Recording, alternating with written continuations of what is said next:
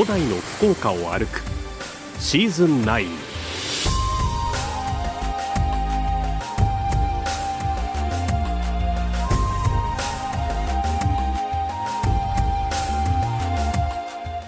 遥かな昔海の道からそして陸路を通じて福岡にはさまざまな文化が入ってきました。その足跡を訪ねる古代の福岡を歩くシーズン9この番組は宮間市の企画協賛餃子の山八道の駅宗像の提供でお送りいたします。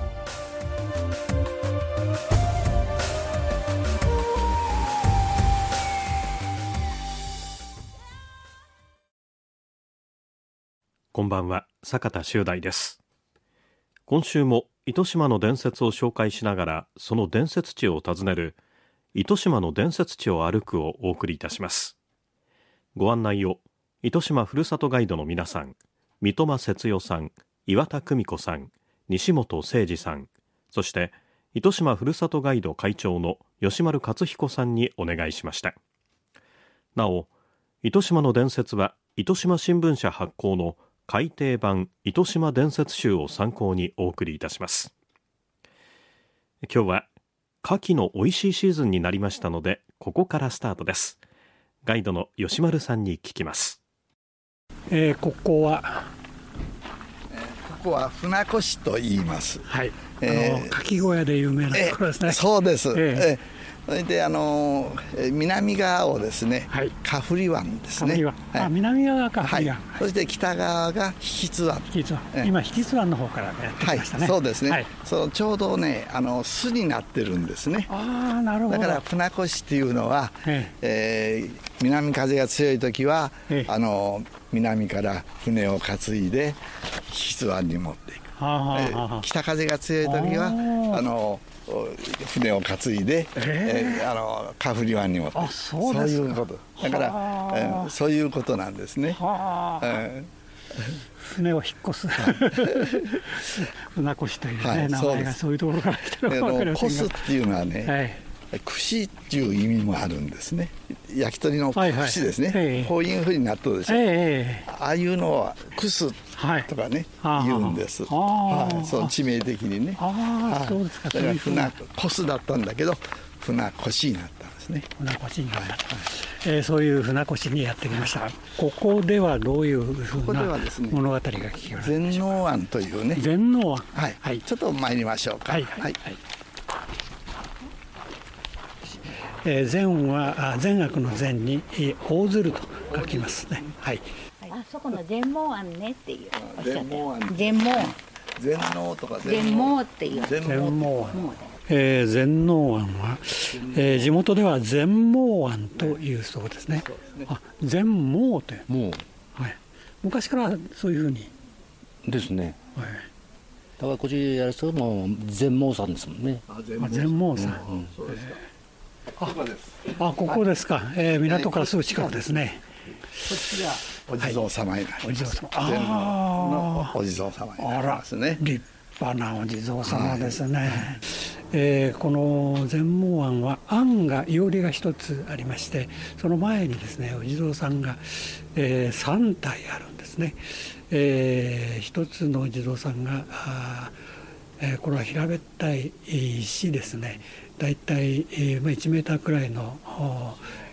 平べったい石があるという感じですが一つあります。それからその真ん中に小さなお地蔵さん。これはあそうですね。丸い、まあ、石ですね。それに、えー、お地蔵様の顔が描いてある。大体、20センチくらいの大きさですね。その右側に、え、これは三角形の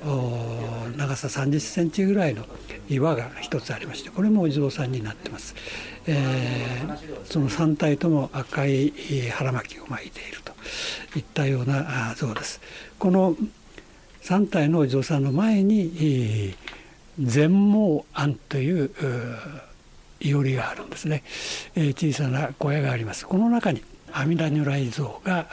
一体、えー、祀ってあります、えー、これはどういったようなこれはですねお話があるんでしょうか、えー、天正時代ですね、はい。えー、1590年代ぐらいでしょうか、えー、えー、この秋にですね、はい、どうもその福吉のですね吉の檜山という海賊がこの船越をどうもあの略奪に来るというようなことだの噂があったんです。檜山ってありますよね。ね火の山で書きます、ね、火の山っていう姓姓が檜山っていう姓なんです。ああそうですか、はい、そういう姓が福吉にもあります。ああそうですか。はい、それで、えー、その海賊なんですね。はい、それがあのこの船越を略奪に来るという噂があって、えー、春にですねやってくるんで、はい、そのお寺にですね、はい、集まって、えー、対策を練るんですね。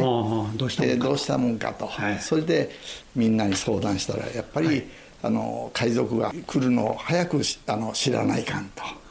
そのためには船越山ってそこがありますもんね、はね低い山ですよね、ね、だけどもちょっと高台になっとって見晴らしがいいんです、はい、はい、そこにあの見張りを立てようと。立てようとい。うことなんですね、はいえー、それで、えー、誰もいなかったんです、はい、ところがですね2425のね、はい、えー、現像という人が現像さん、はい、はい、自分がやろうと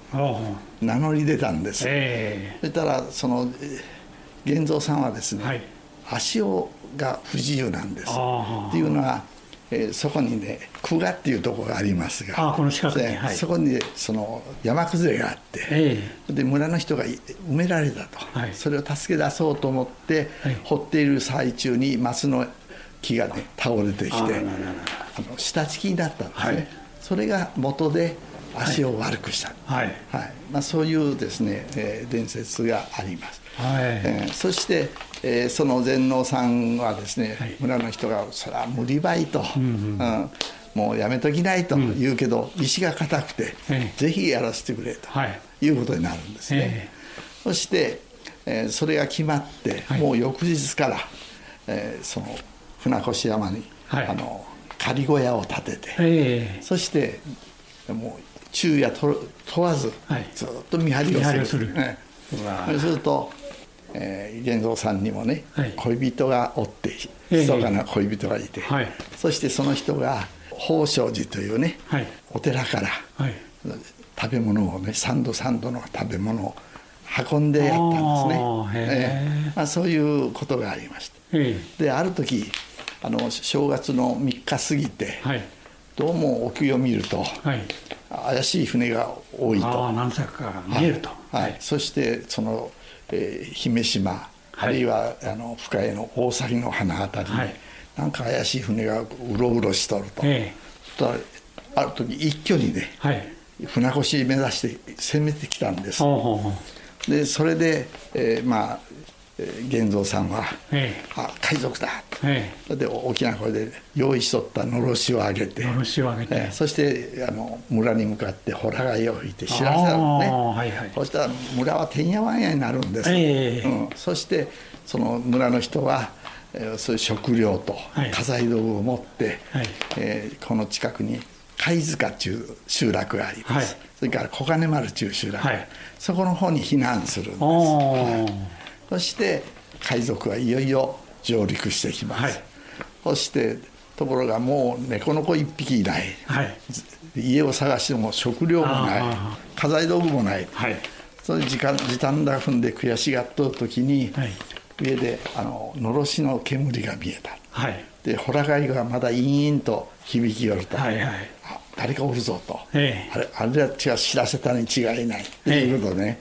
あの山を火攻めにしようと、はい。えー、それで焼き殺せと、えー、あの檜山の狩猟がね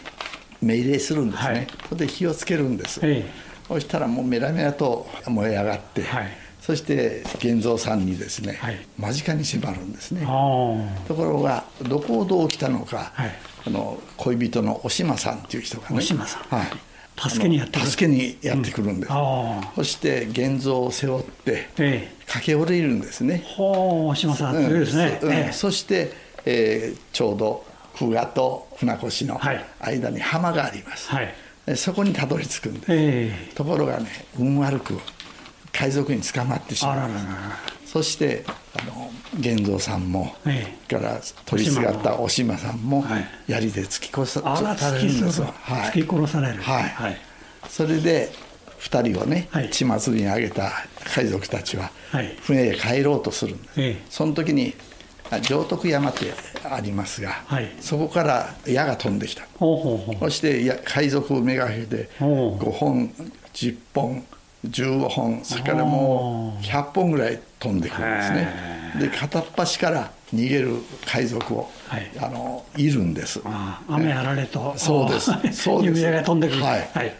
でその主というのがですね、はい、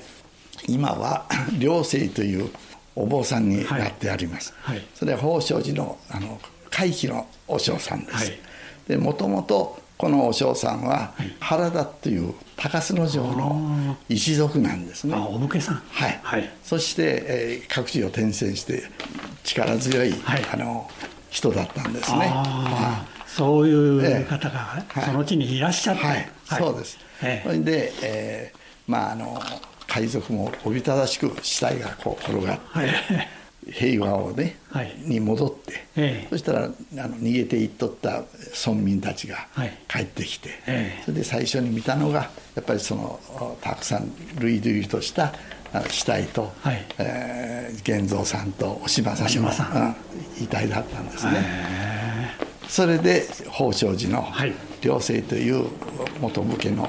あのお嬢さんが、え源蔵を全能という聡明をつけたんです、うん、そしてこの前にある地蔵でね、はい、地蔵をあの、まあ、祀って、はい、そしてこ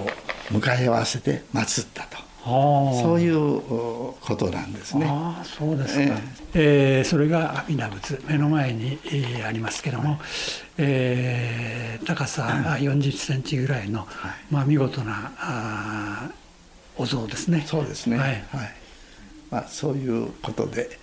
あのたくさんのね、はい、方がやっぱり地元の方が、はい、まあ、ご覧になって分かるようにもういつも成果が花がね、えー、綺麗ですよね。あげてありますね、えー、お供えしてあります。そういうことでございます。はい、はい、かき小屋が今年も大変にぎわっているというニュースも伝わってきました。船越に伝わる船越と久我の全盲地蔵の話でした今度は糸島市役所の近くの荻野浦という場所に来ました。この辺りは川が何本か流れていますがその中の徳川が長野川に合流するあたりに土手がありました。その土手の上にあるお地蔵様にまつわる伝説です。今度はガイドの西本さんです。今度は有心土手というお話を伺いに、えー、やってきました。ここはあの荻野浦という場所なんですか？はいそうですね、はい、ここにこういうお地蔵様があるというのはどういうことなんでしょうか、はい、はい、ここはですねあのー、いわゆるあの昔からですね、はい、こう難工事にあった際にですね、こう人柱を埋めて、はい、えー、まあ、その作り上げるというかですね。まあ、そういうちょっと悲しいお話が,、はい、そうですね、はい、えー、時は江戸時代の初めになるんですけども、はい、まあ、今言いましたようにここはもうすぐ海がカフリ湾がすぐ近くですから、ねはい、もう西風が吹くとですね、まあ、今でいう高潮、はい、もう波がすごい襲ってきて、もうこの辺り一帯はですね海のようになってたそうなんですね。はい。ねまあ、そこで、まあ、あのちょうど藩の政策はもう干拓っていうのをやるということもあってですね、はい、ここにそのいわゆるこの汐留みたいな、まあ、堤防ですね。堤を、はい、作ろうとはい、い。うふうにしてたんですけれども、あのちょうどここはですね、えー、今我々が立っているのは筑前黒田藩領なんですけれども、はい、その向こうに長野川という川があるんですが、はい、その川の向こうはですね幕府の直括領だったんですね。はい、で東西一斉に干拓事業を始めるんですけど、はい、まあ向こうはですねなんせ幕府が後ろ盾についてますから。はいはいもうどんどん進むわけですよ、ええ、でもこちらの方は、まあ、なかなか進まなくて、はい、はい、あのまあ、一応完成させるんだけどすぐにまた壊れてしまうとかですね。まあ、そういったのをずっと繰り返してたんですね、え、はい。でえーまあ、そんな時にですね、はい、ある山伏が、はい。はい、ここを通りかかりまして、まあ、その工事の様子をですねこう、ずっと眺めてるわけですね、はい、で、えー、一体何をしてるんだと、でまあまあこうこうこういうことで作ってるんだと。ただまあもう、はい。はい、作っても壊れ作っては壊れしてますから、まあ、はっきりあまりやる気がないというかですね、うん、もう不平をはい、はい、そうなんですね。で、まあ、それを見たその山伏がですね、はい。はいえーまあ、この土手がですね、そんなにこうたびたび壊れるのは龍神様がお怒りなってるから。ああ、龍神様がお怒りになってるから、はい、はい、その龍神様の怒りを鎮めるために、生贄を捧げるしかない。はい、生贄を、はい、まあいわゆる人柱ですね。はい、生きた人間を埋める。はい、まあ、そういったことをこう提案するんですけれども、はい。はい。まあ、もちろんみんな嫌ですよね、それはですね、だまあそこに来た藩の役人も、まあ、もうしぶしぶそれを了解してですね、はい、もう人柱を埋めようということになるんです、でその時にその山伏さんが提案その山口の名前が有心、はい、さんですね。はい。で、えー、が言うにはですね、あのまあ着物着てますが、はい、まあ横目の継ぎはぎをつけた、はい、はい、えー、その着物を着た人を埋めたらどうだという提案をするんですよ。はい。はい、まあ、当時はまだあのそんなに豊かではないですから、はい、あのまあ、ほとんどの人が継ぎはぎだらけの服を着てるんですね。だからまあその提案にまあ、ちょっと驚くというか。みんな自分じゃないか、はい、そうですそうです、はい。まあ、でももう仕方ないんでですね、ええ、こう周りでこう周りの人と、まあ、服を見せ合うと、はい。えー、いうことをしていくんですね、え、そうするとあっと驚きの声が、はい、なんとその言い出したまあ、山伏の有心さんの着物にその横目の次が当てられてたっていうことなんですね。じゃあ有心さんえー、悪いけどお前さんだよっていう感じになるわけですね。そうですね、はい、でまああの、まあ、有心さんはですね、まあ、それを顔色一つ変えずにですね、はい、はい、もう書くのは仕方がないと、えー、じゃあ私があの、まあ、人柱となって、はい、はい、あのまあ、入っていこうということをですね、はい、えー、言うんですね、えー、はい、で、えー、まあ自分があの人柱となるからにはですね、もうこの包みはすぐ建設もうまくいって成功するだろうということを、うんはい、まあ、そういうことを言って、えー、でもう周りの人たちはですね泣く泣くその有心さんにですね重しの石をつけて、はい、はい、あのいつも壊れる穴にこう埋めていくんですよね、はい、でまあ、そういった中でやっぱりこう周りからもう有心様を犬死ににさせたらいけないとい。うことでですね、はい。まあ、その後はですね、まあ、工事がトントン拍子のように進んで、はい、あの無事包みが完成することができたと、じゃあ頑丈な、はい。えー、壊れない。そうですね。ちゃんとしたね立派な包みができたと、はい。えー、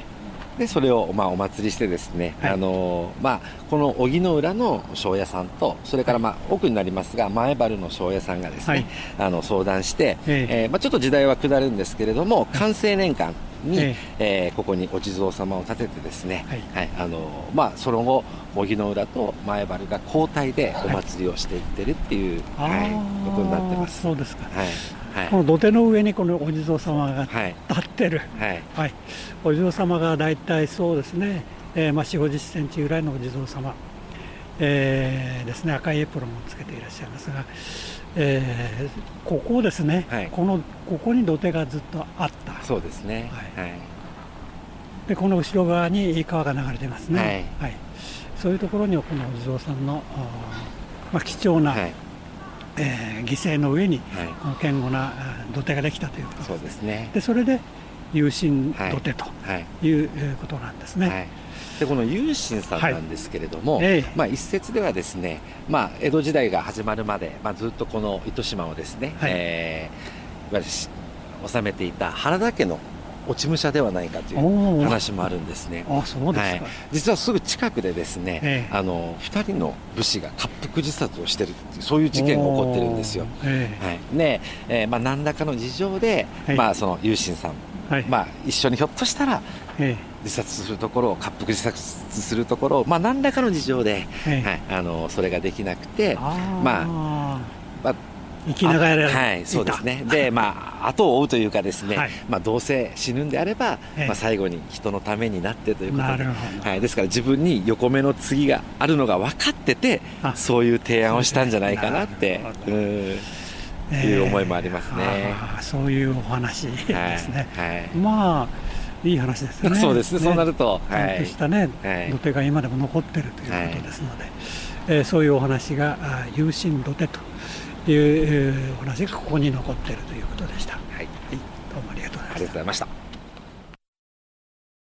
荻野浦という場所の有心土手のお話でした。ガイドの西本さんに聞きました。糸島の伝説。今週は海賊襲来の見張り番を志願した男船越と久我の全盲地蔵そして防波堤に自ら身を埋めた山伏有心土手の話をお送りしました。こういった糸島の伝説は番組のホームページを開くと見ることもできます。なお糸島の伝説は糸島新聞社発行の改訂版糸島伝説集を参考にお送りしました。本は糸島地区の書店で販売中です。来週も糸島の伝説をお送りいたします。ご案内は糸島ふるさとガイドの皆さんでした。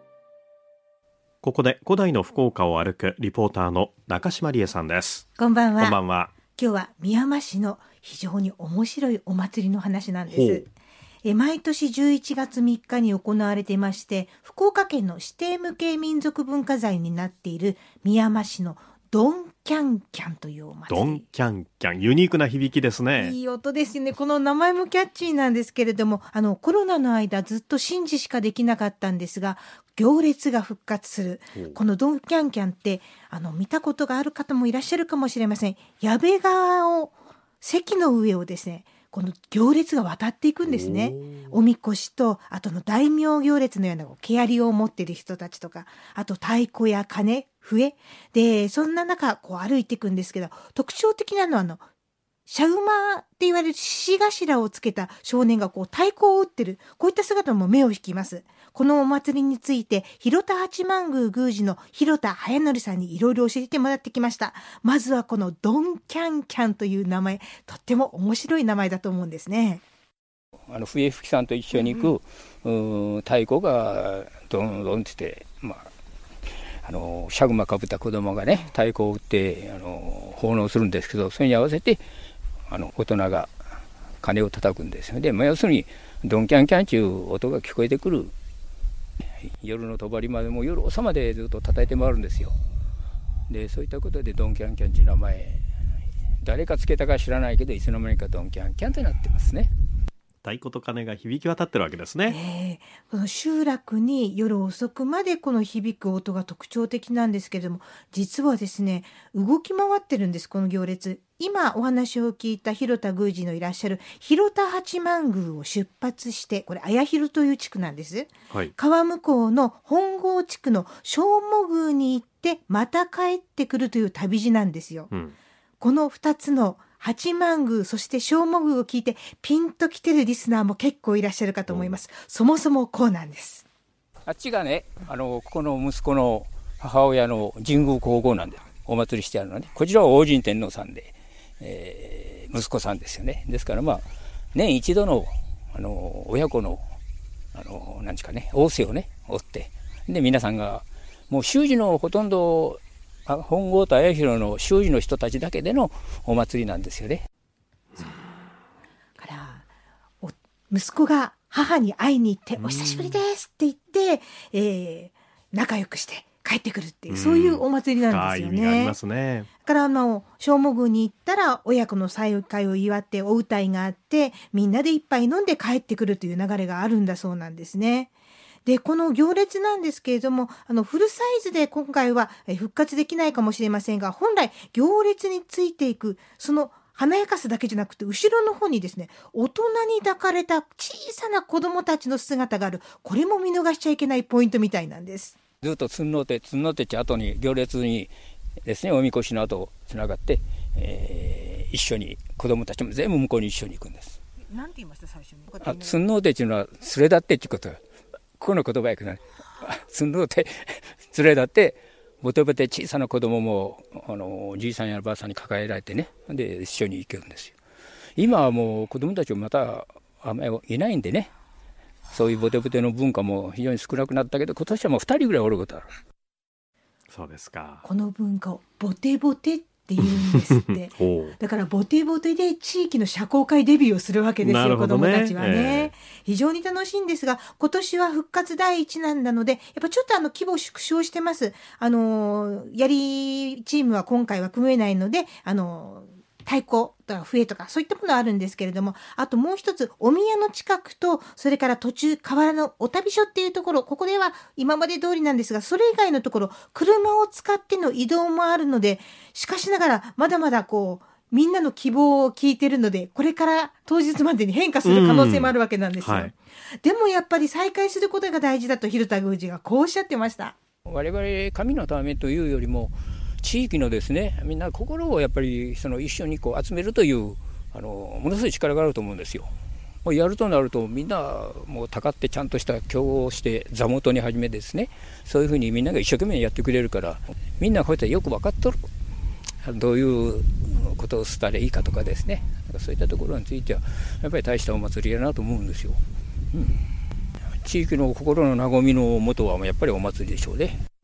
そうですね。久しぶりの祭りですからね、そんな様子を少しだけ見せていただくこともできますので気になる方は11月3日です。午後から夜にかけて行われますがとにかく集落入り組んだ細い路地ですからあの邪魔にならないように車は遠くに置いて、えー、車のバスだったりあとタクシーだったり歩いて覗かせてもらうのが正解ではないかと思います。そしてこの広田八幡宮なんですが実はですね門が高いところにあって本殿との高さがね23メートルは優に違うんです。ほう門うんしょっと上がって、門のところに立つと本殿が3メートルほど下に見えるわけなんですよ。見下ろせるそうですね。なんでだろうと思ったらいやもともとはこの門の位置が矢部川の河原田の土手だったんだよって広田宮司おっしゃるさすがにこんな話も聞かせてくれました。慶光天皇がこの矢部川のほとりに来て行脚してきて背高きとこのらり、清あ水清くて背高きなり、ついて背高の名前についたという話がちゃんと書いてあるんで、だから、まあ、どこまで踏んだか分かりませんけどね。そんな歴史ロマンを考えながら、ぜひ宮山のドンキャンキャン行ってみてください。中島理恵さんでした。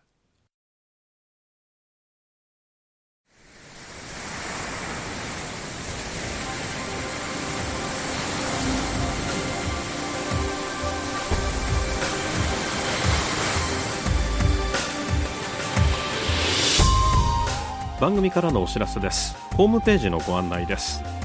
これまでの放送内容と番組を1回目からじっくり楽しむことができます。RKB ラジオホームページの古代の福岡を歩くシーズン9のバナーをクリックしてください。またラジオクラウドという無料アプリをダウンロードすればスマートフォンやタブレットからもお聞きいただけます。この番組は宮山市の企画協賛餃子の山八道の駅宗像の提供でお送りいたしました。ご案内は坂田修大でした。